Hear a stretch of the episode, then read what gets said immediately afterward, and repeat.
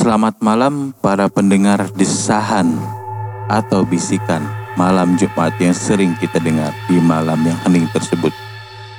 Gua Toto dari Ruang Publik akan membawakan konten ngocok spesial malam Jumat. Sekolah adalah tempat kita mendapat ilmu dan wawasan pengetahuan.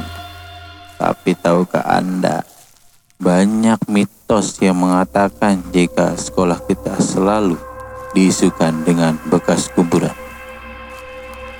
Mitos tersebut terus melekat dengan gedung sekolah yang kita tempati dengan berbagai cerita mistis dan kejadian aneh yang sering muncul atau terjadi di gedung sekolah kita. Kita mulai dari cerita yang sisa tulang belulang kuburan yang belum diangkat, sehingga arwah yang mendiami kuburan yang terdapat tulang belulang tersebut gentayangan, sehingga meneror sekolah yang terdapat bekas kuburan tersebut. Oke, kita bahas mengapa sekolah selalu dimitoskan dengan kuburan.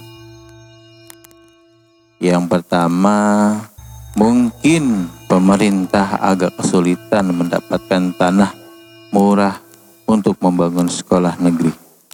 Sehingga alternatifnya adalah bekas kuburan.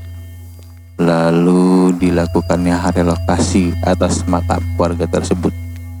Yang kedua, mungkin tulang belulang tersebut yang tidak terangkat atau sengaja tidak terangkat keluarganya tidak mengingatnya sama sekali. Ya Allah, kasihan sekali tulang belulang tersebut. Mungkin dia gentayangan bukan karena jahat. Mungkin dia gentayangan sebab kesepian karena tidak ada satupun keluarganya yang mengingatnya. Sehingga dia melakukan kejahilan seperti orang yang kosong pikirannya tapi enggan arwah gentayangan tersebut memasukinya.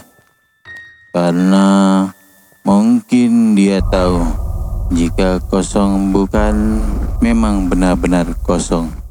Tapi karena kosong memikirkan hutang. Karena zaman sekarang lebih kesetanan orang yang ditagih hutangnya ketimbang orang yang menghutanginya. Misalkan ada teman Anda ketika dia tagih hutangnya lalu kesurupan, gampang solusinya. Pinjami saja lagi, kemudian dia pasti sadar.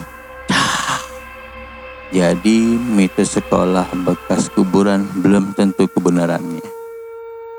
Demikian horror story ini saya ceritakan. Sampai ketemu di horror story episode berikutnya. Bye.